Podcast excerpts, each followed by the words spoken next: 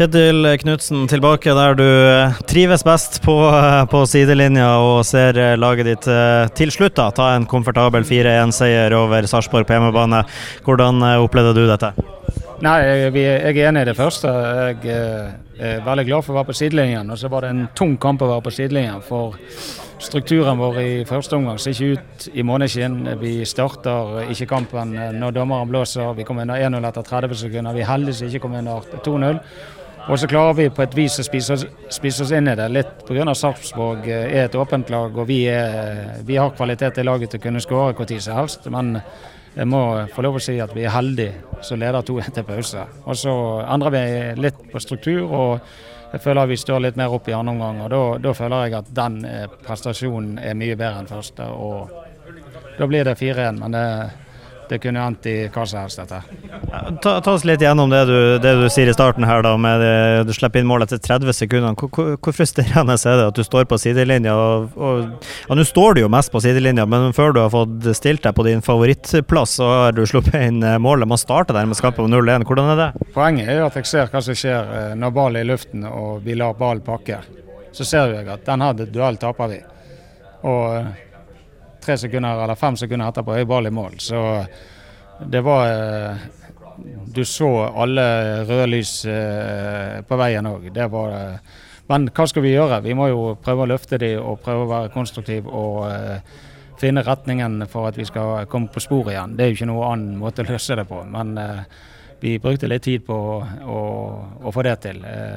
Og jeg føler at uh, i dag er det Isak som blir kanskje nøkkel for at uh, han kommer inn og viser litt eh, karakter og tør å ta av presset. og Tar vi av presset og får to pasninger, så er det store rom på dem. Og det var, så jeg føler han var litt eh, eksempelets makt å komme fra, fra benken og, og, gjøre en så god prestasjon. Det, det var utrolig gøy.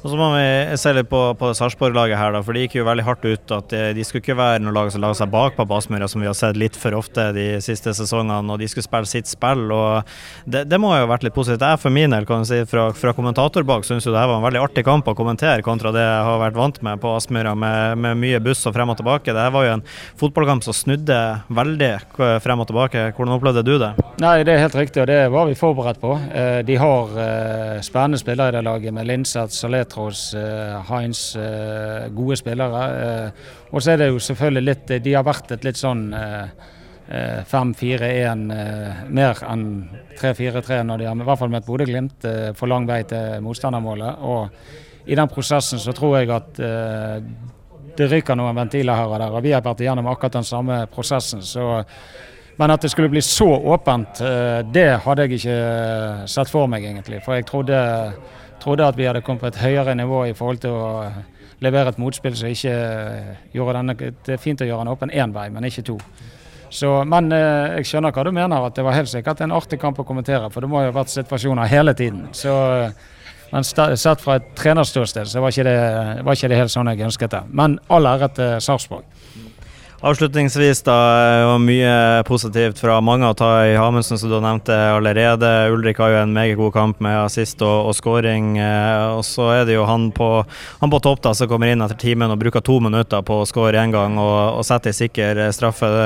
Var bra fornøyd med innhoppet hans òg. Ja da, vi vurderte jo sterkt å ta han i pausen, men fordi at vi legger om presset og vil få det til å sitte litt før vi begynner å gjøre skifter, eh, så ventet vi med han. Eh, og han er jo i begynner å vise form nå, eh, og det er spennende. Men vi må òg eh, styre belastninger på gutten i forhold til den historikken han har. Eh, men alle de du nevner, syns jeg er spillere som fortjener å bli nevnt i, i, denne kampen. her, For det var litt uh, enkeltspillerne som reddet oss, og tre gode eksempler du går med. Takk for det, Kjetil, og lykke til i Europa i midtuka. Ja.